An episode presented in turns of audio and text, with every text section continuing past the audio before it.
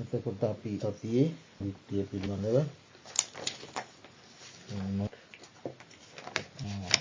ආදිත්‍යය ඇතුළු ඉතිරි මාර්ගාංග පිළිබඳව මහා සතිපට්ඨානශ්‍ර දේශනාවේ ඇතුළත් ධර්ම විග්‍රහායන් බෙදා දැක්වික් නොවේ විත්ති ඇතුළු ඒ මාරෝලට අයත් සූත්‍ර දේශන ීපයක් අකරමු එතකොට අපිට මේ ආර්යස් පිබඳව යම් කිසි ගැඹුරු වැටහීම අවබෝධයක් පහසු වෙන නිසා.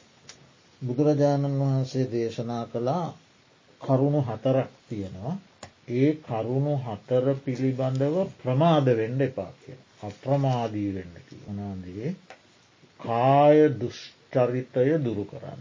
කාය සුචරිතය වඩන්න ඒ එක කරුණ. කාය දුෂ්චරිතය දුරලා කාය සුචරිතය වඩන්න ප්‍රමාද වෙන්න එපා. ඊළඟ කාරණය වාග දුෂ්චරිතය දුරු කරලා වාක් සුචරිතය වඩන්න ප්‍රමාද වෙන්න එපා. ඊළඟ කාර. මනෝ දුෂ්චරිතය දුරු කරලා මනෝ සුචරිතය වඩන්න ප්‍රමාද වෙන්න එපා. ඊළඟ කාරණය නිත්‍යයා දෘෂ්ටිය දුරු කරලා සම්මාධිත්‍යය වඩන්න. සම්මාධිත්‍යය පිළිබඳ අර්ථයක්. එතකොට සම්මාධිත්‍යය වඩන්න කිසිලක කිසි ලෙසකින්වත් කිමහොතකවත් ප්‍රමාද වෙන්ඩ එපා. මිත්‍යා දෘෂ්ටිය දුරු කරන්නත් ප්‍රමාද වෙන්ඩ එපා කියන කාරණය බුදුරජාණන් වහන්සේ දේශනා. එතෝට යම්කිසි කෙනෙක් ඔන්න ඔය කරුණු හතර තමාගේ ජීවිතය තුළ දියුණු කරගන්නවන්න. එයා සාමාන්‍ය ලෝකය අතර තියෙනවන්න මරණය කියල දෙයක් ඒ මරණයට බය වෙන්න ඇකිව. දකින ඇය අසුචරිතය වඩල තියෙනවා සම්මාධිත්‍යය වඩල එනිසා එය මරණයට බයනෑ. ඊළඟට අපි පෝය දවසේ භාවනා වැඩ සටහන දවස කරා කළා සම්මාධිත්‍යය නොයෙකුත් බෙදීම් තියෙන. ඒ බෙදීම් අතර තියෙනව විපස්සනා සම්මාධ්‍යය කියලා ඒ විපස්සනා සම්මාධිත්‍යය ඇතිවෙන්නේ භාවනා කරන කෙන.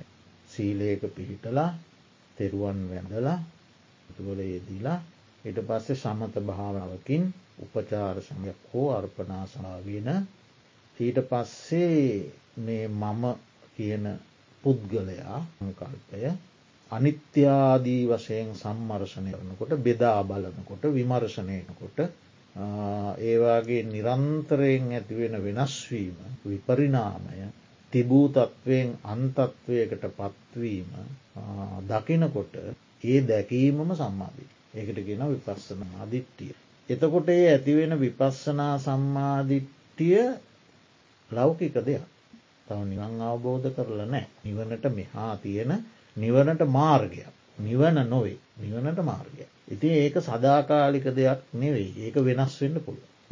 ඒ වැඩේ අතහැරල දැම්මත් මස්සේ ඕක නැතිවෙන්න.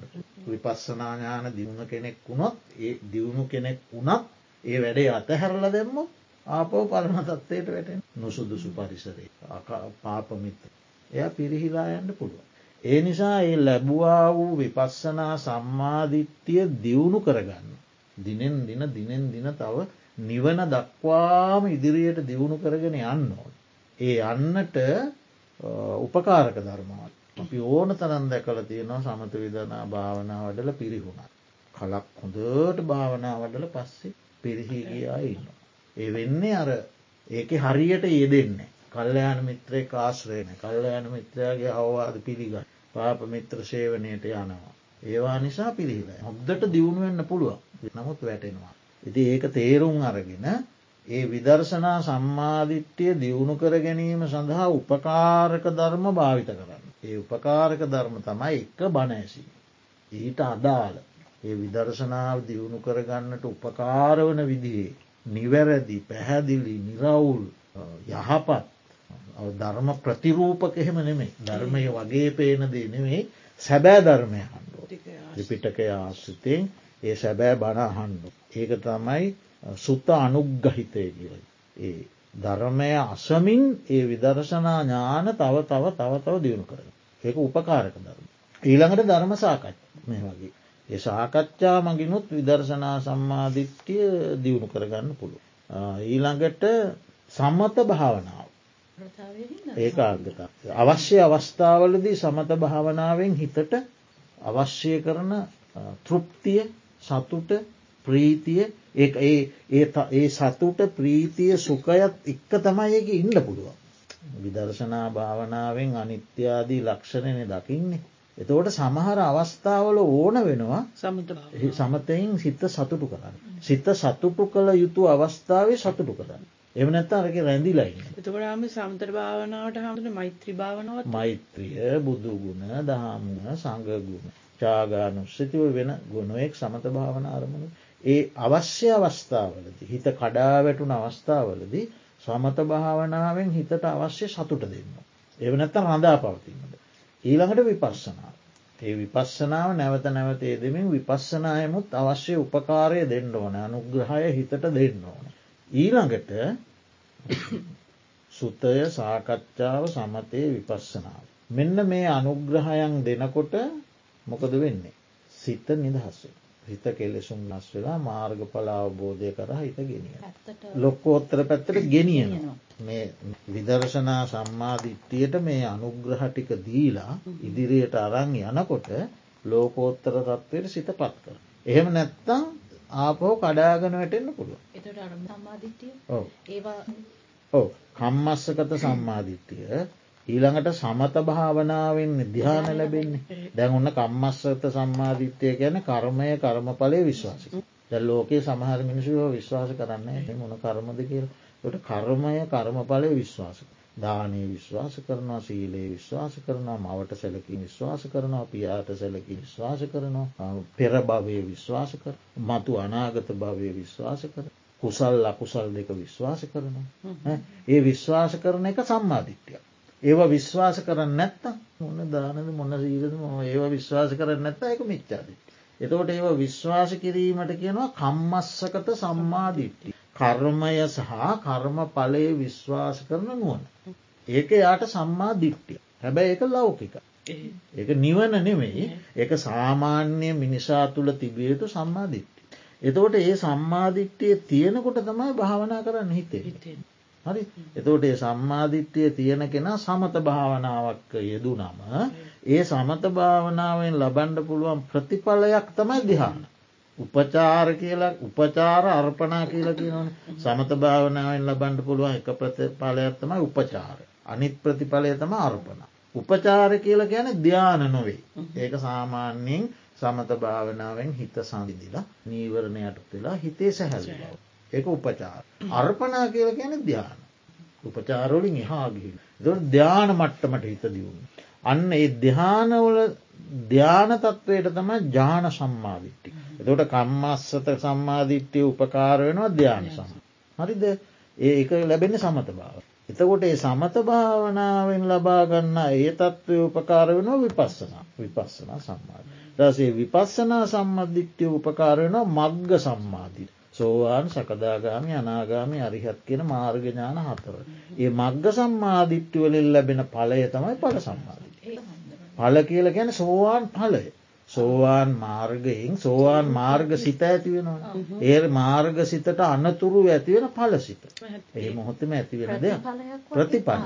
සෝවාන් මාර්ගයෙන් ලැබෙන පලය ප්‍රතිපලය. ඒ තම සෝවාන් වීම කියලපි සකදාගාමි වීම අනාගාමි වීම අරිහ.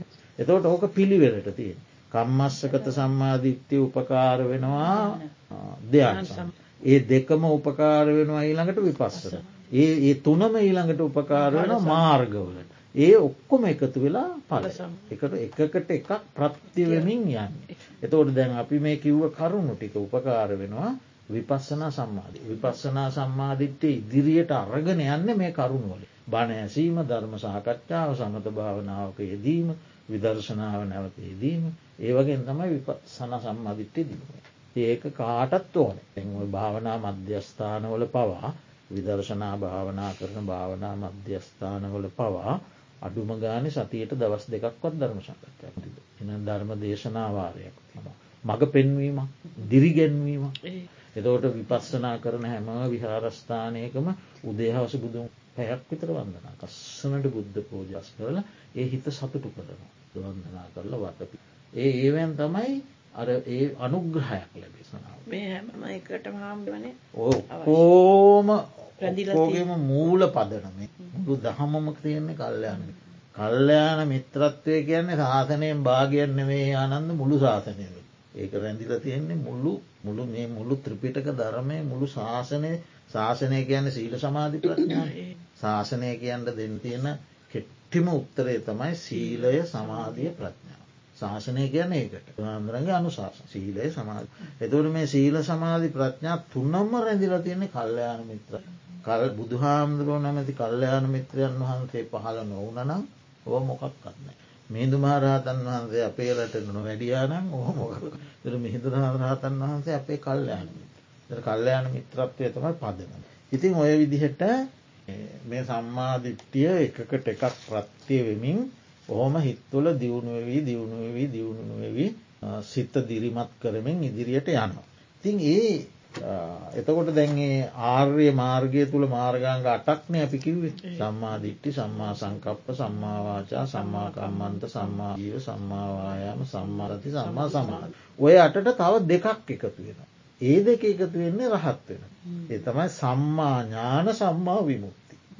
පිරුවානා පොත්වහස්සගේ සෝපාක කතාවේ තියෙන්නේ. දසහංගේහි සමන්නාගතු අරහාති උච්චති කිය. සෝපාක පුංචි හාමුදුරන්ගෙන් බුදුහාන්දුරු ප්‍රශ්න දහයක් අහන්. එක කියන්න මොකක්ද දෙක කියන්න මොකක්ද තුන කියන්න මොකක්ද හතර කියරද පහ කියරද අය කියන මොකක්ද හත අට නමේ දහය කියන මොකක් තොට පොඩි සෝපාක හාමුදුර උත්තර දෙනවාට ඒක නාමකින් සබ්‍යය සත්තාහාරට්ටිතික එක කියන්න මොක සෝපාක හාමුදුරන පොඩි අවුරුදු හතයි. සියලු සත්වය ආහාරයෙන් දෙක කියන්න මොකක්ද? නාම රූප. තුන කියන්නම වේදනාතු හතර කියන්න මොකක්ද? චතුරාර්ය සත්‍යය පහ කියන්නම කංචුපාදාන ආය කියන්නම කද අජ්‍යත්තික ආයත සත කියන්නම සප්ත බෝජ නව සත්තාවාස. අට කියන්නම ගදද අරියෝට්ටායි ඒවිදිහට උත්තර දෙනවා ඒක දහය කියන්න මොකක්දහනකොට දසහන්ගේ සමන්නාගතු අරහාති උච්චති නමය නෑ නව සත්තාවාස හත සත්ත බොජ්ජංගා නවේ නව සත්තාවාස සත්තාවාස නමේ සත්වයන් වාසය කරන තැන් නමයක් එතවට දසහන්ගේ සමන්නාගතු අරහති අංග දහයකින් සමන්නාගත රහතන්න. ඒ තමයි දහයි. අංග දහයකින් සමන්නාගතයි රහතන්න. මොනව දංග දායි. සම්මාධිට්ටි සම්මා සංකප්ප සම්මාවාචා සම්මාකම්මන්ත සම්මාජීව සම්මාව සති සම්ම සමාධි සම්මාඥාන සම්මා විමුක්ති. එතන තමයි. රහතන් වහන්සේගේ අංග මේ ආර්ය අෂ්ඨාංග මාර්ගයට ඒ දෙක එකතුවේ. සම්මඥාන සම්මා විමුක්ති. ඒ දෙක. තෝට මේ අංගුත්තරනිකය දසක නිපාතේ ඔය දහය අරගෙන කතා කරපු සූත්‍රතිය. ආර්යෂ්ඨාංක මාර්ගයට රහතන් වහන්සේ ගැනත් අරගෙන ඒ දහය එකතු කරලා කතා කරපු සූත්‍රතිය. දැන් අපි ඒ සූත්‍ර කීපයකට අවධානය යොමු කරමු. හරිම ලස්සන දේශනාමවා ඔන්න බුදුරජාණන් වහන්සේ දේශන කරනවා නිවැරදි නිවැරදි තත්ත්වයට පැමිණීමෙන්. වැරදි තත්ත්වයෙන් මිලා නිවැරදි තත්ත්වයට පැමිණීමෙන් ස්වර්ග සැප සහ මාර්ගපල් ලැබෙන. වැරදි තත්ත්වෙන් ඒව ලැබෙන්නේ. වැරදි දේවල් වලින් මිදිලා නිවැරදි තත්ත්වයට අපි ආහොත් ඒකින් අපිට මොකක්ද ලැබෙන්නේ ස්වර්ගය සහ නිවන. ස්වර්ගය සහ නිවන. නිවැරදි තත්ත්වයෙන් ලැබෙන. එතකොට වැරදි තත්ත්වයෙන් එක ලැබෙන්නේ නෑ. ඉළඟට බුදුහාදුරාණ මහනෙන් කෙසේද. කොහොමද. මොකක්දේ නිවැරදි තත්වේ. මොන නිවැරදි තත්ත්වයට ආවොද්ද ස්වර්ගය සහ මාර්ගපල ලැබේ. ඔන්න දැන් දේ කරන මහනෙන සම්මයක් දෘෂ්ටිකයාට සම්මයක් සංකල්පය ශක්තිමත්. ඇතට දැ සම්මාධිට්්‍යය තම ඉස්සරහැඥයන්. සම්මාධිට්ටිය හරි දැක්ම හරි දැනීම හරි දැකීම තිබුණොත් තමයි හරි කල්පනාවෙන්නේ.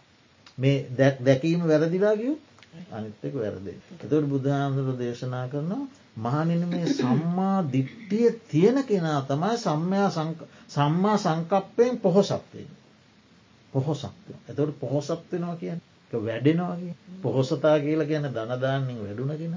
එතවට අපි සම්මා සංකප්පයෙන් අපේ හිත් පෝෂණය වෙන්නේ සම්මාධිට්ටීන් උපකාරකය ලැබුණා. ඔන්න අපි සම්මා සංකප්පයෙන් පොහොසත්.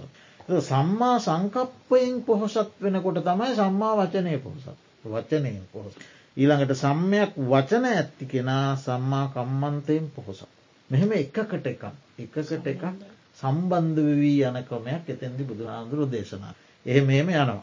එහෙම දේශනා කරලා අවසානය කියන මේ විදිහට දැන් ඉට්ටිය සංකප්පය වාචා ආජීව වායාම අති සමාන. එකට එකකට එකක් එකකට එකක් ප්‍රත්තිවමින් මෙහෙම පොහොසත් වැඩිවවී ගියාම තමයි සම්මයක් ඥානයෙන් පොහොසත්වේ. ප්‍රඥාවෙන් පොහොසත්. සම්මයක් ඥානයෙන් පොහොසත් වෙන දැම්ම එකකට එක ප්‍රත්ති වෙලාන සම්මා විමුත්තියෙන් පොහ විමුත්තියෙන් පොහොසත් කියන නිව. එහෙම බුදුරජාණන් වහන්සේ දේශනා කරනවා. ඊළඟට ස්වර්ගය කියන සුගතිය දිවිය ලෝක හයක් මනුස්ස ඒකට තම ස්වර්ගී. අපි දුගතිය කියලා කියන්නේ නිරය තිරිසං ප්‍රේත අසුර සතරාපා. ඒකට කියෙන දුගති. දිවියලෝකහය මනුස්සලෝක සුගති. ඊළඟට ඔන්න බැන් තව හරි ලස්සන දේශනාවක් දිරනව කියලා වචනයක් තියෙනවන හැපන දිරනෝ. එතවට දැම් මෙතන මේ දිරීම කියලා කතා කරන්නේ හොඳ දේ දිරීම නෙමේ. අපි දැන් සාමාන්‍යයෙන් අපි පාවිච්චි කරන හොඳ දේවල් දිරාපත් වනාම අපිට හරි කනගාටුවෙන් දුකයි නැපේ වාහනය අපි එදිනෙදා පාවිච්චින දේ දිරාපත්වෙනකොට අපිට වේදන. මෙතන මේ දිරීමක් ගැන කතා කරනවා හැබැ මේ දිරීම නරක පැත්ත දිරණ එක. ඒ මොකක්ද. සම්මා දිට්ටික කියන්න පුද්ගල. යම් කිසි කෙනෙක් ළඟ සම්මාධිට්ටිය හොඳට පිහිටනවා. නිවැරදිව පිහිට. එයා ඒ තුළ පිහිටාගෙන වැඩ කරගෙන යනවනම් එයාගේ මිත්‍යයා දෘෂ්ටි දිරනවා. හරි. මිත්‍යා දෘෂ්ටිය තියෙන්නේ හඳවතේන ඒ හිත්තුල තියෙන අර සම්මා දිට්ටිය තුළ පිහිටලා හරියට වැඩ කරගෙන යනකොට අර හිතේ යටපත් වෙලා තියෙන මිත්‍යයා දෘෂ්ටි දිරාපත්. ඔන දිරීම ගැන බුදුහාන්දුර කරන දේශනා. ඒ වගේම තමයි සම්මා සංකප්ප. සම්මා සංකප්ප කියන නෙක්කම්ම අව්‍යාපාද අවිහිංසා. ඒවා අපි පාකච්ඡා කරනවන බෙදල. එතෝටේ සම්මා සංකප්පයෙන් අපේ හදවත් පෝෂණය විවී යනකොට මිච්චා සංකල්ප දිරනවා. දුරපත්. දිරාපත් වෙනවා කියන්නේ? ඒවා ඊට පස නැති ඒවට පස වැඩක් ගන්න බෑ. ඒවා හිමීට දිරලා අයිංලා යන සමුච්චේදයෙන් ප්‍රහාණ ඉස්සල්ල එක පාට සමුච්චේද වෙන්න මුළුමනින් එක පාට කැඩෙන්න අරව ටික ටික ඉතින් මැඩ්ඩෙනවා ඒ තියෙන මිච්චා සංකප්ප ටික ටික දුරුවල් වෙන්නට මෙහැන් සම්මා සංකප්ප දියුණු වෙවී යනකොට මෙච්චා සංකල්ප හිමීට දුරුවල වෙලා දුරුව වෙලා දුරුවල වෙලා ගිල්ලා ඉට පස දිරාපත් වෙලා ද වාහනයක් දිරනකොට නොත් එක පාට දිරන්නේන ටික ටික හිමින් හිලාපත් වෙලා අන්තිම වැඩකට ගන්න බැරිම තත්වට මොත් දිරාපත්වීම ක්‍රමිකවවෙන්න ක්‍රමාණුකූලයි. ඒවිදින තමයි. සම්මා සංකල්පය මුලින් හිතේ පහළ වෙලා ඊට පස්සේ ටිකින් ටික ටිකින් ටික ටිකින් ටික මේක වැඩීගෙන වැඩීගෙන වැඩීගෙන යනකොට අර පැත්ත තියෙන මිච්චා සංකල්පය හිමින් හිමින් හිමින් දිරාපත් වෙලා කියලා අන්තිමට දිරලා අන්නු දිරීම කියන වචනය අරගෙන බුදුරජාණන් වහන්සේ කොච්චර තාත්තික දේශනය අද මේ කරන්න. ඒ විදියට තමා නිත්ත එක. සම්මා වාචාව අපි හොඳට පුරුදු කරගන්න. බොරුවෙන් තොරයි. කේලමෙන් තොරයි. හිස් වචනයෙන් තොරයි. පරුෂ වචනයෙන් තොරයි. ඒ හතරනේ මිච්චාවාචා බොරුව කේලම හිස් වචන පරුෂවයි. එතකොට අපි ඒවෑන් අයින් වෙලා හොඳ යහපත් නිවැරදි කුසල වශන මෙහෙම පාවිච්චි කර කර කර කර අපි පුරුදු කරගත්තු දැයකට උපකාරයන සම්මා දිට්ටි සම්මා දිට්ටියෙන් තමයි පෙන්න්නන්නවා ඕමිවාචා සම්මා දිට්ටිය තම අපිට මඟ පෙන්න්න මිච්චාවාචා එතකට හිතට දෙනවය සම්මා දිට්ටිය අදහස දෙන. එතවට දැන් අපි ක්‍රමානුකූලව ටික ටික ටික ටික සම්මයක් වචන පුරුදු කරගත්තු. ඒක පුරුදු කරගෙන පුරුදු කරගෙන යනකොට අර පැත්තමකද වෙන්න දිරන්න පටගන්න මෙච්චා වචන හිට අඩපන වී අඩපී ගිහිල්ලා අන්තිමට ඉතින් මාර්ග පල අවබෝධය දෙනකොට දිරලම යන අය වැඩන්නේ. බුදුම එක වචනයක් අරගෙන ඒ වචනය ඔස්සේ අරං යනවා නොවීම ලස්ස. ඉතින් ඒ විදිහට. ඔවු ක්‍රමාණුකූලු ලෝකෝත්තර පැත්තට අරං යනවා. ඉතින් ඒ විදිහට අනිත් මාර්ගංග දැන් හිතාගන්න පුළුවන් එම එක එක එක එක එක මාර්ගාංග වැඩීගෙන යනකොට ඒ මාර්ගාන්ගේට තියෙන ප්‍රතිපක්ෂ ධර්මය දිරනවා. මේක ශක්තිමත්. ඒකට ඉඩ දෙන්නේ නෑ ඉඩ දෙන්න. ඊට පස්ස එහෙම ඊට පස්ස එහෙම අරං යනවා මිත්‍යාඥා සම්යක් ඥාන වැඩෙන්න්න පටන්ග. සම්යක් ඥාන වැඩෙනකොට මිත්‍යා ඥාන දිරනවා ඊළඟට සම්මා විමුක්තියෙන් මිත්තා විමුක්තිය යන වැරදි නිගමන වැරදි නිදහස් නිදහසු පිළිබඳ විමුක්තිය පිළිබඳ තිබුණ වැරදි අදහස් මත ඒව දිරලා. සැබෑ නිදහස කියන්න මේ අනි හිස් විමුක්ති ඔක්කොම දිරාපත්.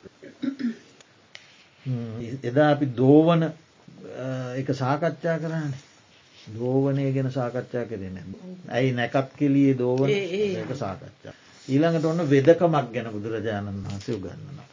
වෙදකම ඒක සම්මාධිත්‍යයට සම්බන්ධ වෙදකම. ඔන්න දැන් ලෝකයේ ඉන්න වෙද මහත්තු. පිළියම් කරනයි රෝගයන්ට පිළියම් කර වෙදවරු. එතකොට ඒ වෙදවරු ළඟට යනවා රෝගී. ගයාම ඒ වෙදතුමා බලනව මේ රෝගේ පිතිං හටගෙන තියෙන එකක්ද. සෙමෙන් හටගෙන තියෙන එකක්ද. වාතයෙන් හටගෙන තියෙන එකක්. වාපිත් සෙම්මුලින් රෝග හටගන්න. තොට ආයුර්වේද ක්‍රමය හෙමයි. දොට එයා පරීක්ෂා කරන එක පිත්‍රෝගයක්ද වාතරෝගයක්ද සෙම්රෝග. පරීක්ෂා කරල රෝගය උත්සන්න නම් විරේචනයක් දෙන. හරිද විරේචනයක් දෙන ඒගැන බඩ සුද්ධ කරන බෙහෙතන්ද. දෙනවන. ඉස්සෙල්ලම කරන්න ඒක තම ඒ ඒ ඕනම සිංහල වෙදකමේ තියෙන එක ආයුර්වේදී. විරේචනය සුද්ධ කරන. එතවට බුදුරජාණන් වහන්සේ දේශනා කරනවා එහෙම විරේචනයක් ඒ ආයුර්වේද මේ වෙදවරු අතර තියෙනවා. මම නෑ කියන්න. එහෙම එකක්ති මම ඒක ප්‍රතික්ෂේප කරන්න නෑ. හැබැයි මහනෙන ඒ විරේචනයෙන් සමහරවිට ඒ රෝගය සුව වෙන්ඩත් පුළුවන්. සුව නොවෙන්ඩත් පුළුවන්. වීමේ අවස්ථාත්තිය නොවීමේ අවස්ථාත්තිය. හැබැයි මහනෙන මම දෙනවා විරේචනයක් ඒකින් අනිවාර්ය සුව වෙනවා. සුව නොවී තියෙන්නේ නෑ. අර විරේචනය සුව වෙන්නත් පුළුවන් නොවෙන්නත් හරි මම මේ සංසාර රෝගයට විවේචනයක් දෙනවා ඒ කාන්තයෙන් සුවේ සුව නොවී තියෙන්නේ මොකක්ද. ඉපදීම ස්වභාව කොට ඇති සත්වයෝ. ඉපදීමෙන් මුදවන විරේ. හරිද දිරාපත්වීම ස්වභාව කොට ඇති සත්වයෝ දිරාපත්වීමෙන් මුදවන විරේචනය. මරණය ස්වභාව කොට ඇති සත්වයෝ මරණයෙන් මුදවන විරේචන. සෝක පරිදේව දුක් දොම්නස් උපායාස ස්වභාව කොට ඇති සත්වයෝ ඒ සෝක පරිදේව දුක් දොම්නස් වලින් මුදවන විරේචනය බඩ සුද්ද කිරීම විරේචනයක් මම දෙනවා. ඒක හොඳට අහ මොනෝවට මනාව මෙනෙහි කරන්නට මම ඔන්න කියන්නම් කියලා බුදුරජාණන් වහන්සේ දේශන. මහන්නේ මම කියන්න හොඳට අහන් හොඳට නුවනින් මෙනෙ තින් ඒ ස්වාමීන් සේලත් එහෙමයි භාග්‍යවතුන්න බුදුරජාණන් වන්සේට ප්‍රති උත්තර දුන්න. ගොන්නම බුදුරජාණන් වසේ දේශන කරනවා මහනිනි. යම් කිසි විරේචනයකට පැමිණ මේ ලෝක සත්වයෝ ජාතියෙන් ජරාවෙන් ව්‍යාදියෙන් මරණයෙන් සෝකයෙන් පරිදේවෙන් දුකෙන් දොම්නසින් මිදෙනවන් නම්.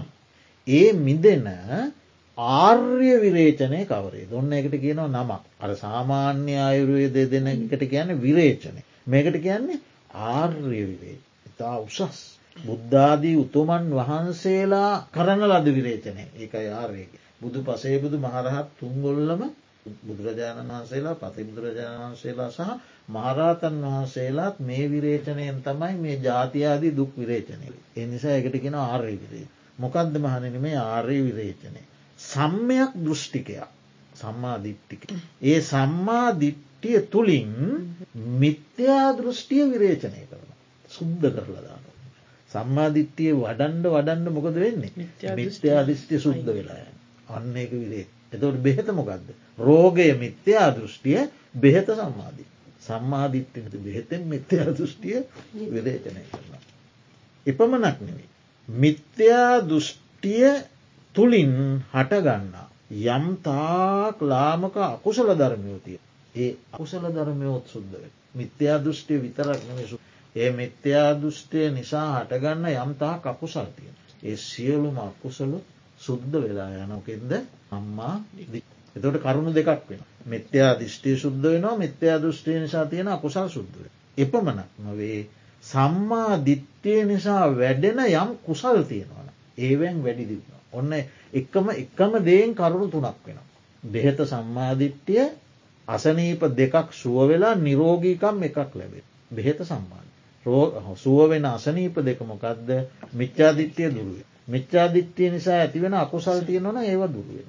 වැඩෙන සුවය මොකක්ද. සම්මාධිට්ටියෙන් වැඩෙන කුසල් යම්තාක් තියෙනවන ඒව වැඩෙන. දෙකක් දුරුවෙලා එකක් වැඩි. බුදුරජාණන් වහන්සගේ ධර්ම දේශනය මාතෘකාව මොකක්ද විරේචනය. විරේචන කිරි මාතෘකාව. ලෝකයේ තියෙන දේව. ඉස්පිරිතාලි කරන දෙයක් අරගෙන උදාවරු බණක් කියන. පුදුමයි නිතේ. ඊළඟට කියනවා සම්මයක් සංකල්පය ඇති කෙනාට මිත්‍යා සංකල්පය විරේචනය වෙන. ඒ වගේම මිච්චා සංකල්පය නිසා යම් තාක් අකුසල් වෙන. ඒ අකුසල් විරේචනය.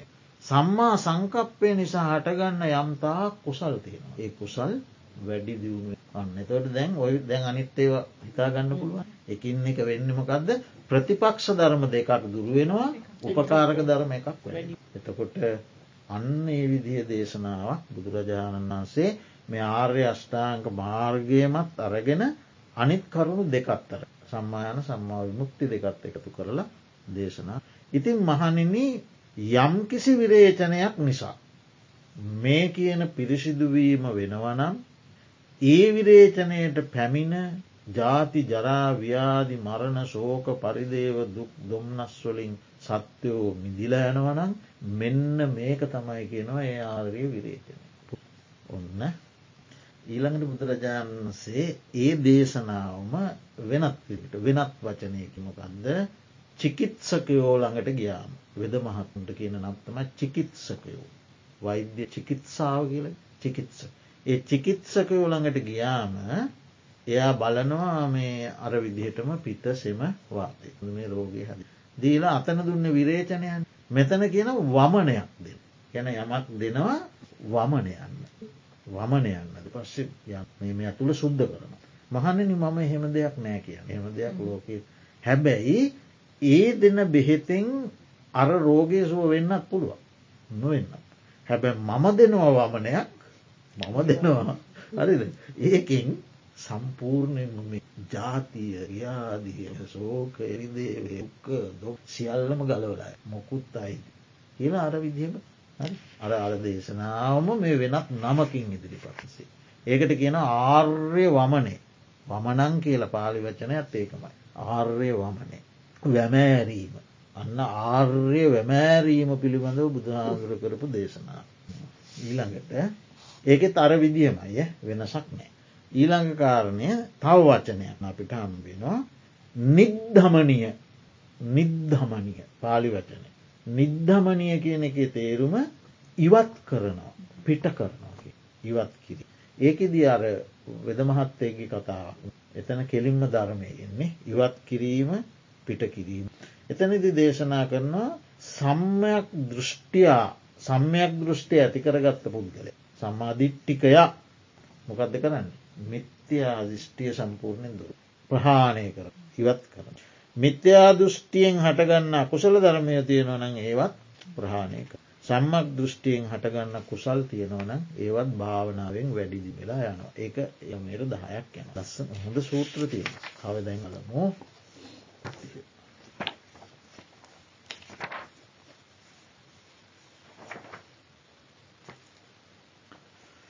මහනිනි උදාවන සූර්යාට හිරු හිරුහට උදා තෙල පූරුව උදාවන හිරුට අරුණ නැගීම පූර්වාංගම පෙරටුව යන. ඔය පාන්දර මෙහිලං මෙහිනම් මමද ලංකාවාගේ රටවල්ල පාන්දර හතර හමාරත් පහත් අතර. නැගෙනහිර අහසද ඒ අහස තනීකර අරුණුවන් පාටක් හට රත් පැහැ. ඒකට තම අරුණ නැගීම කියලා කියන්න. ට බුද්ධ ශාසනයේ දවස පටන් ගන්න අරුණේ. භික්‍ෂූන් වහන්සේලාගේ විකාල භෝජන ශික්ෂාපදයටත් තියෙන අරුණ. අරුණ නැගුණාට පස්සෙ තමයි කැඳ එකක් තේ එකක් වලගන්න. සදැන් උපසම්පදාාමදුරනක් වස් සමාදන් වුණ කෙනෙ වස්සීමාවෙන් පිටතට ගිහිල්ල එන්ඩෝනෙත් හත්වන දවසේ අරුණ නගින්න පෙර. අරුණ තමයි දවස වසයෙන් ගණන්න. තොට කටින චීවරය පූජා කරන්න ඕනේ ඒ පූජා කරන්න නියම කරගත්ත දවසේ අරුණ නැංගට පස්සේ. උදේ පාන්දර අරගෙන්නේ. අරුණ නගින වෙලාවට එදාද ඒ අරුණන්ගෙන් පස්සෙතම දවස පටන්ගන්නේ බුද්ධ ශාසනය ක්‍රමය. එතකොට බුදුහාමුදුරුව දේශනා කරනවා උදාවන සූර්යාට මේ අරුණ තමයි පූර්වාංග. පෙර නිමිත්ත. ඒක දිහා බලල තමයි තීරණය වෙන්නේ දැන් හිරුණගින්ට ආසන්න. පෙර නිමිත්තක් ඇතිව. ඔන්න දැන් මම එන්ඩ ලෑස්ති කියනවා වගේ. සූර්යා කියනවා වගේ වැඩ. පෙරනිමිත්ත. මානනී අන්න ඒ වගේ මේ කුසල ධර්මයන්ටත් තියෙනවා පෙරනිමි. පූරුව නිමිත්තක්. ඒ නිමිත්ත නැත්තං ඒක එන්න. මොකක්ද නිමිත්ත. කුසල ධර්ම තියෙන පෙරනිමිත්ත තමයි සම්මාධ. සූර්යයා නැගෙන්නේ නැති දවසට අරුණ නෑ වලාකුළුවලින් වැහිලා. හරි අරුණ නෑ කියනකින් මොකක්ද කියන්නේ අද හිරුපායන්න. තුට එහෙනම් සම්මාධිත්‍යය නෑ කියන එකින් මොකක්ද කියන්න උඹ තුළ කුසල් වැඩෙන්නේ. ඒකින් කියන්න අන්න බුදුරජාණන් වහන්සේ දේශන කරනවා සම්මාධිත්‍යය පූර්ුව නිමිත්තයි මානෙන සම්මා දිට්ටි ඇත්තා හට සම්මා සංකල්පය පොහොසත් වෙන. සම්මාධිත්‍යය ඇත්තාහට තමයි සම්මා සංකල්පය පොහොසත්වේ. තොට සම්මාධිත්‍ය සම්මා සංකප් ඇත්තාහට සමා වාචා පොහොස්. මෙම එකින් එක පොහොසත් වී පොහොසත් වී පොහොසත් වෙවී ආර්ය මාර්ගෙන් පොහොසත් හිතක් ඇත්. එතවට ඒකට පූර්ව නිමිත්ත දිට්ටිකයාට තමයි මේ ඔක්කොම වේ. කියල බුදුරජාණන්සේ දේශනා කරන නිවනින් කෙලවර කර. ඒ මෙහෙම වැඩි වැඩි ගිල්ල සම්මයක් ඥානයෙන් පොහොසත් වෙන ඉට පස්සේ සම්මාව මුක්තියෙන් හල නිවැනින් පොහොතෙන නිදහසෙන් පොහොසත්ව. ඊළඟට දේශනා කරනවා මේ ධර්ම දහය දහය දන්නවන සම්මාධිතය සිට සම්මා විමුක්තිය. මේ ධර්ම දහය සුගත් විනය හැර අන් කිසි තැනක නෑ කියෙන්.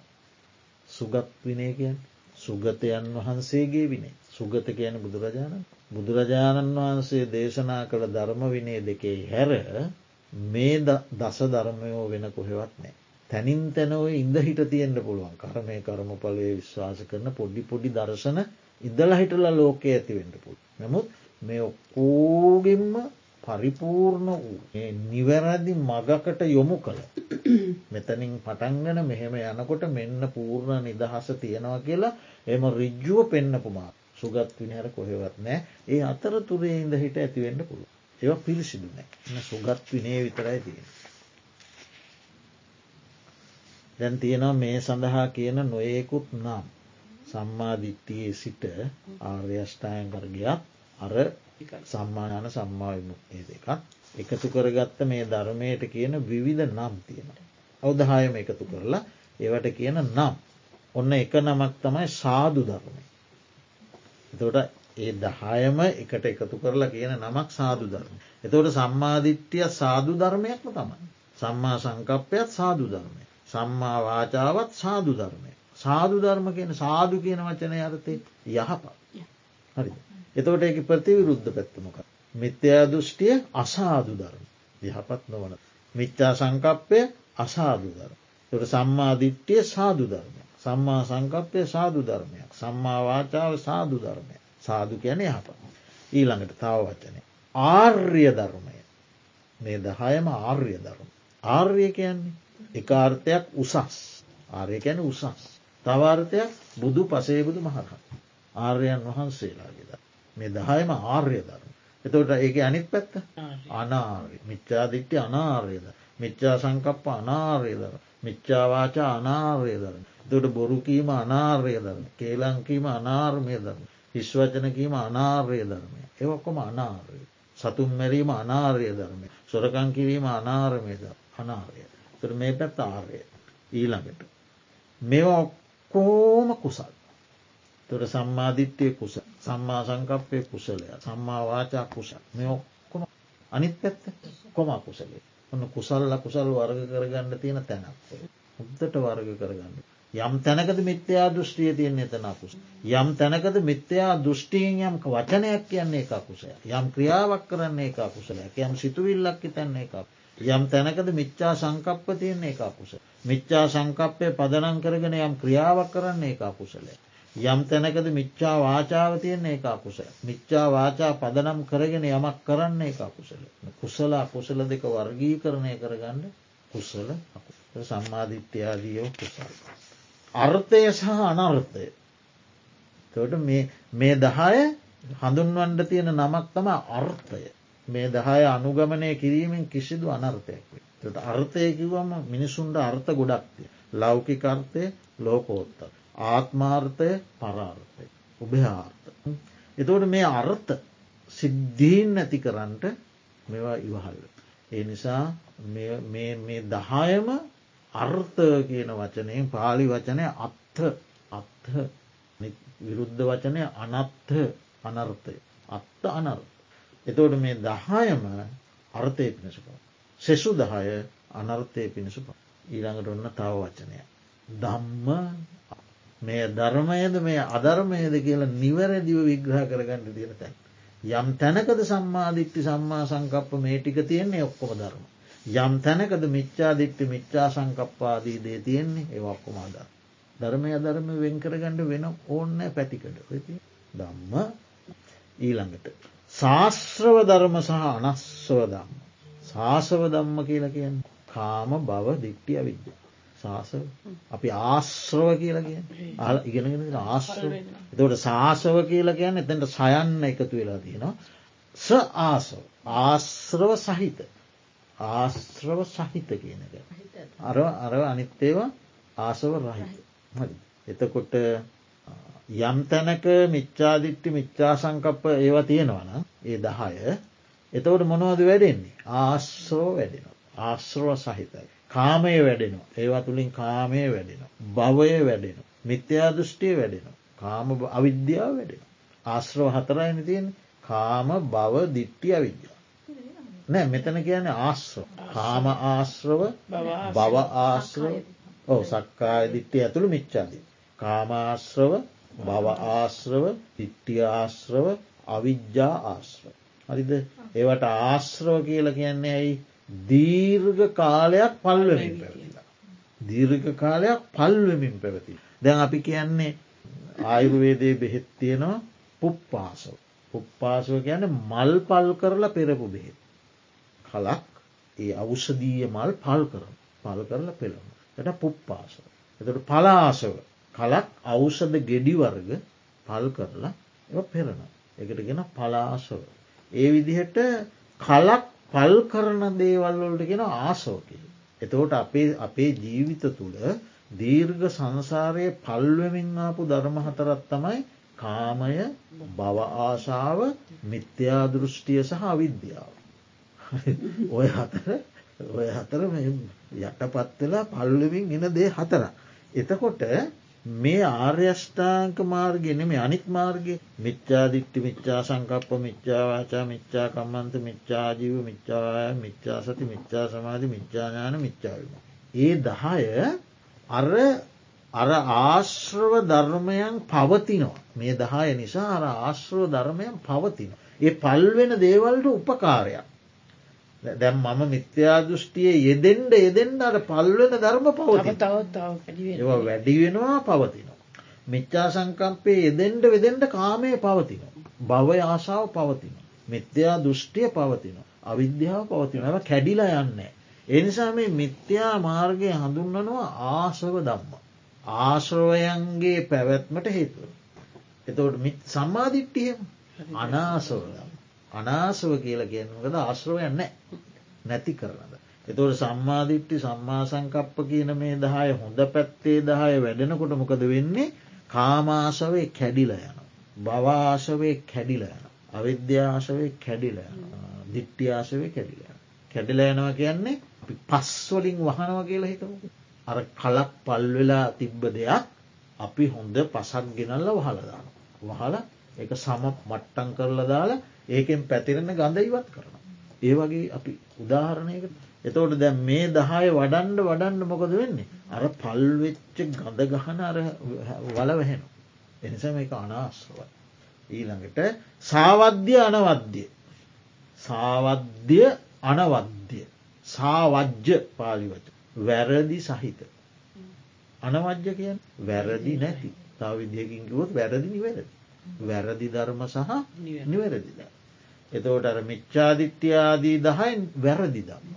වැරදි සහිත දේවල්. සම්මාධිත්‍යයාදී දහය නිවැරදිදය. වරදිින් මුදවන දේව. වරද උදුරාදානදේ. වරදිින් පුද්ගලයා නිවැරදි පුද්ගලය බවට පත් කරන දේව දැ හිතල බලන්න කොච්චර වැරදි කර පුද්ගල හොරු මංකොල්ලකාරය දූෂකයෝ භීෂකයෝ බුදුරජාණන්ම සාදු ධර්මයට ඇවිල්ල යහපත් වුණ නිවැරදි මිනිසු බවට පත්. මිනීමරන්න මංකොල්ලකාර අංගුලිමාලවාගේ. අදුරේ අතපතගාපු මිනි අන්දකාර ජීවිත ගත කරපුුව. යොක්කෝම යහපත් සාදු සත්පුරුෂයන් බවට පත්තු ඒගොල්ලොන් ගෙතින සියලූම වැරදි නිවැරදි කරග. කොච්චර හිටිය අන්තාව මිසදුටු ගත්තාය මිත්‍යාදෘෂ්ටිකයෝ ජනතාව මුලා කරපු අය මායාකාරයෝ පෝ බුදුහාට ලබාගෙන ඒ සියලූම දෙනා. ඔය චරිත කතා කියවනකොට හුඟාක් වැරදි මාර්ගවල ගියාය. සාදු සත්පුරුෂය නෙමේ ඔක්කුට ඒ යහපත් මිනිසුන්ට වඩා හුඟාක් ඉන්නවා අයහපත් අයහපත් මාර්ගය කිය කරම විපාක විඳින්න. ඔවු. පෙර ජීවිතෝල කරපු අකුසල කරමෝල විපාක විඳින්න. දරිද්‍රතාවයෙන් පිළුණයි. කොච්චර යාචකයෝ. ඒ අයි පෝදැන් ඉල්ලගෙන කණ්ටනයා සුප්ප බුද්ධකු ඒ හිතුව කෑම බෙදන තැන බුදුහාමරු බගෙන මොනහර මිඩිල ඉල්ලගෙන කණ්ඩාව ඒ කුසලයකුත්තිය කුසලයකුත්තිය ඉතින් ඒ විදිහට හුගාක් දෙන මේ වැරදි මාර්ගය අතහැරලා නිවැරදි මාර්ගයට ප්‍රවේශෝ. ඒ නිසා මේක අනවජ්‍ය ධර්මය නිවැරදි ධර්මය සාවජ්‍ය නෑ. ඊළඟට තපනීය සහ අතපනී ඔන්න තාව වචනය. තපනී තවනවා තවනවා. මිච්චාදිත්‍යයාදී ධර්මෝලින් වෙන්න මොකක්ද තවනවා. තවනවා කියලා කියන්නේ රාගයෙන් තවනවා දවේශයෙන් තවනවා මෝහයෙන් තවනවා ජාතියෙන් තවනවා ජරාවෙන් තවනවා ව්‍යාධියෙන් තවනවා මරණයෙන් තවනවා. ඒ තැවීම් දරම. එතකොට මේ සම්මාධිත්‍යයාදී ධර්මෝලින් අරාගදවස මෝහාදී තැවිලි ධර්ම නැති කරනවා. ඒ අපි කියමකෝ පාප සිතුවිලිවලින් කරන්නේ අපේ චිත්තාභ්‍යන්තරයේ දැවීමක්නේ. සමහරුවට කරන වෙලා දැවෙන්න ඇතිව. නමුත් ඒක ප්‍රතිවිපාක විදිනකොට එනිසා යම් ක්‍රියාවක් කිරීමෙන් දැන් නොතැවෙනවත් පසුව තැවෙනවන. තමන් නොතැ වනත් තමන් කරන ක්‍රියාවෙන් අනුන් තැවෙනවන. ඒකත් පාපයක් සමට මම තැවෙන්න. නමුත් දහසක් දෙනාට ඒකින් තැවිලි ඇති වෙනවා. ඒකත් පාපය. එතවට ඒ පාපයන්ගේ ස්වභාවය තම තවනවා. එතකොට ඒ නිසා මේ මිත්‍යා දෘෂ්ටියාදී සියල්ල මේ දහයම තවන ධර්ම. සම්මාධිත්‍යයාදී දේවල් තැවීම් දුරු කර කර දුරු කර කර දුරු කර කර නොතැවෙන නිවනට ගෙනිය. එනිසා අතපනීය. තවනවා නෑ නෑ අපිට දැම් මේ දැවිල්ලක් දැවිල්ල කියලා කියන්නේ තාපයක් තාපයෙන් සිද්ධ වෙන්න තාපයෙන්ෙන් තාපය තැවෙන ස්වභාව. ඊළඟට දුක්කුන්ද්‍රය දුක්කුද්‍රය දුක්කුද්‍රය කියලා ගැන දුක්කුදා කරන දර. සුකුද්‍රය කියලා කියන සුව උදාක. දුක්කුදා කරන සුව උදාක. ඊළඟට දුක්ක විපාකංච. දුක් විපාක ඇති කරන ධර්මය සහ සැප විපාක ඇති කරන ධර්ම දුක් විපාක සැප විපාක. ඊළඟට ශුක්ල මාර්ගය සහ කුෂ්ණ මාර්ගය. කුෂ්ණ මාර්ගය ගැන අපිරිසිදුමා. ශුක්ල මාර්ගය කියන්නේ පිරිසිදුමා නෑ. ශුක්ල මාර්ගය කියන පිරිසිදු මාර්ගය. කෘෂ්ණ මාර්ගය කියන්නේ කතමෝච භික්කවේ කන්න මගු කන්න. සුක්කම ගෝ. ශුක්ල මාර්ගය ගැන පිරිසිදු. කන්න මාර්ග කියන්නේ කලු අපිරිසි කලු කලු කියන අර්ථය. කලු කියන්නේ නිකන් අපිරිසිදු දර්ශනයන් අපි සුදු දේන දර්ශනයක් වසයෙන් පාවිච්චි කර කල්ලු සුදු. ඊළඟට සද්ධර්මය සහ අසද්ධර්මය. නම් ගොඩාත්ති. සත්පුරුෂ ධර්මය සහ අසත්පුරුෂ ධර්මය. ඉපදවිය යුතු ධර්මය සහ නොයිපදවිය යුතු. අපේ චිත්ත සන්තානය තුළ උපදවාගත යුතු ධර්මය සහ උපදවාගත යුතු නැති ධර්මය. මාර්ග අට තියෙන කෙනත් සත්පුරුෂ. එකක් තියෙන කෙනත් සත්පුරුෂය. එකක් තියෙන කෙනත් සත්පුරුෂ සම්මාධිට්ටී කියන එකට පැමිණින්වන එය සත්පුරුෂය. නමුත් මුදහ බුදුරජාණන් වහන්සේ තැදි මේ දහයම එකතු කරලා කතා කරන. එකක් ගත්තත් පුළුවන් එහෙම කතා කර. එතකොට ඉපද විය යුතු දහ. තමන්ගේ චිත්ත සන්තානය තුළ උපදවාගන්නට සුදුසුදා. සහ උපදවාගන්නට සුදුසු නැතිද. සෙවිය යුතු දහම් සහ නොසෙවිය යුතු දහ. සොයනවා සොයන. හබාගෙන ගිහිල්ල හොයනම් එම සෙවිය යුතු දහ. සම්මාධිත්‍යය හොයන්ට යන්න පුළුවන්නම් මේ හැතකුම් දහස් ගානක් ඇහත ගිහින් හරි එව්වට කමන්නේ. සෙවිය යුතු සහ නොසෙවිය යුතුද. ඉළඟට භාවේ තබ්බ දහම් සහ න භාවේතන් භාවේ තබ්බකයන් වැඩිය යුතු භාවිත කළ යුතු පුරුදු කළ යුතු පුහුණු කළ යුතු හුරු කළ යුතු දහම් හුරු නොකළ යුතුද මෙත්‍යයා දෘෂ්ටියාදීව හුරු නොකළ යුතු මෙම හුරු කළ යුතු දහම්. ඊළඟට. බහුලී කෘත කළ යුතු දහම් සහ බහුලී කෘතක් නොකළ නැවත නැවත නැවත නැවත වැඩිය යුතු. මිත්‍යාදිට්්‍යයාදීහෙම නැවත නැවත වඩන්න හොදන. සම්මාධිට්්‍යය නැවත නැවත වැඩුවත් කිසිම ප්‍රශ්නයක් නෑ. ඊළඟට අනුස්සරි තබ්බ දහම් සහ නානු සරිත් තබ්බ දහම්. එකන සිහිකිරීමට සුදුසු දහම් සහ සිහිකිරීමට නුසුදුසු දහම්. සච්චිකා තබ්බංච දහම්මා න සච්චිකා තබ්බ දහම්. එකන සාක්ෂාත් කළ සාක්ෂාත් කළ අවබෝධ කළේ. අවබෝධ කළ යුතු දහම් සහ අවබෝධ නොකළ යුතු දහම්. කොච්චර තියෙන ඔජ වචන ආර්ය මාර්ගය හඳන්න. කලින් හලනෑ හගින් ඉගෙන ගණ්ඩෙන්න සාතම මාත්ති ගෙන මට පොඩ්ඩි වෙලා මම හොයා ගත්ත ඇයි කිව්වේ? දායාමාට එතකොට දානි ගෙනල්ලා. ඔබවහන්ස එක සැරයක් අපිට කියලා ඒවා ඇවිල්ල රහතන් වහන්සේලාගේ අංග ආර්යන් ඒ අංග දෙක ආර්යන් එකට එකතු වෙනවා දහම්දු නම මේ ආර්යෂ්ඨාංග මාර්ගය වැඩීගෙන යනකොට සම්මාඥානය වැඩෙනවා කොහොම ඒ සම්ම වැඩිලා සෝවාන් මාර්ගඥානයේදී සමයි සම්මාඥාන ස්ථාවරය. ස්තීරෝම නිවන දකින. ඒක තමයි සම්මාඥාන. ඊට මෙහා විදර්ශනාඥාන හෙමනි තියෙන්. සම්මාඥානය කියලා කියන ආර්ය ආර්යඥාන මාර්ගඥානය. ඥානයේ වැඩීගෙන යනවා විදර්ශනා වසේ. වැඩීගෙන ගිහිල්ලා සෝවාන් මාර්ගඥානයේ ලබන වෙලාවේ තමා සම්මාඥානයපි ස්ථාවරවෙන්න. නිවන හරියට දකිින් එතකන් තියෙන අනුලෝමඥාන ඔවු. ඒ මාර්ග ඥාන ඔය සම්මා ඥාන කියන මාර්ගඥාන හතර. අවස්ථා අතරකදී ලැබෙන්නේ. සෝවාන් මාර්ගඥානය සකදාගාය මාර්ගඥා අනාගාය මාර්ගඥා අරිහත් මාර්ගඥාන. ඒතම සම්මා තම විමුත්ත. සෝවාන් මාර්ගඥානයේදී යම් කෙලෙස් ප්‍රමාණයකින් විමුක්ත වෙන. සකදාගාමි මාර්ගයකතින් යම් කෙලෙස් ප්‍රමාණයකින් විමුක්ත වෙනවා නිර්වාණයක් දකිනවා. අනාගාම මාර්ගඥානයෙන් තවත් කෙලෙස් ප්‍රමාණයකින් විමුක්ත වෙනවා නිර්වාණයක් දකින. අරිහත් මාර්ගඥානයෙන් සෙසු සියලු කෙලෙසුන්ෙන් නිර්වාණය දකි. අම්මා විමුක්. ඉතිං ඒවා මේ තව ඉතිං ආර්ය මාර්ගය ගැන කතා කරන්න බොහෝ දේශනා තින් අද දවසේ දැන් පෑ ඉවරයි. හම්මා දිත්ති සූත්‍රය තියෙන මජ්ජුම ඒක වෙන්නමම සූත්‍රයක් ඒක ඇවිල්ලා පරිච්චේද දාශයක් තියෙන. සම්ම යම් කිසි කෙනෙක් සම්මාධිට්ටිය ඇති කර ගන්නා ආකාරයකින්. නෑ ක්‍රමිකව ලෝකෝත්තර පැත්තට ලෝකෝත්තර පැත්ත තම එක විග්‍රහ කරන ඒ කියන්නේ කුසලය සහ කුසලේ. ආහාර හතර සහ ආහාර හට ගැනීම ආහාර නිරෝධය ආහාර නිරෝධගානය ප්‍රතිපදා දැකි. ඊලාගට එහෙම යනව පටිච්ච සම ජරා මරණ දැකීම ජරාමරණය හේතු දැකීම. පටිච්ච සමුපාදයක් එක්කම නෙමේ අය අවසාන කොටස තියෙන්නේ පටිස් පටිච් සම්පාදයට මෙහා තව කොටසකු හතරක් තියෙන. ආහාර කුසල අකුසල ඒ පැත්තත් තියෙන. චතුරාර්ය සත්‍යය සහ ආශ්‍රව. එහෙම වෙනම තිය. ඒ නිසා තින් දැන් අපි ආර්යෂ්ඨාංග මර්ගයට අදාළව අංග දෙකත් එකතු කරගෙන බුදුරජාණන් වහන්සේ දේශනා කළ බොහෝ සූත්‍ර දේශන සුරින් එකම එක ධර්ම ග්‍රන්ථයක එක කොටසකට අදාළ ටිකක් විතරයි මේ සාකච්ඡා අංගුත්තර නිකායේ දසක සහ ඒකා දසක නිපාතය ඇතුළත් හය වෙන දස් මේක තම අංගුත්තර නිකා අවසන ග්‍රන්ථය හයයි තියෙන්නේ. ඒනුත් මේ තෝරාගත්ත ඉතා සීමිත සූත්‍ර ටිකක් තමයි මේ අපි ගත්තය ඔය මාතෘකාවට. මේක සූත්‍ර ටික සීමිත ඇකිවට මේක ඇතුළි තින්න ධර්මහරය නම් සීමිත නෑ. ඒක අසීමිත. ඒක වටිනාකවත් අසි එක අවබෝධ කර ගැනීමත් එහෙම දේසි නමුත් බුදුරජාණන්සේ අප කෙරෙහි එද ඒවකට වැඩ සිටි බිප කෙරේද අප කෙරෙහිද මොනතරනස් අනුකම්පා සහිතව මෙ කියනවනම් එදිනෙදා ජීවිතය සරල දේරම් බීවක් ගැන ලෙඩෙක් පිත ගැන සෙම ගැන ඒවා ගැන පොවා අරගෙන මේවා දේශන්නේම දයානු කම්පාවෙන්. ඉතින් ඒ නිසා මෙතෙක් වේලා මේ ධර්මසාකච්ඡාව තුළ පදවාගත්තක අපට අමින් පවලෝසප දෙවියන් සහිත ලෝකවාසී සියලු සපිනිස හේතුවාසනාවෙත්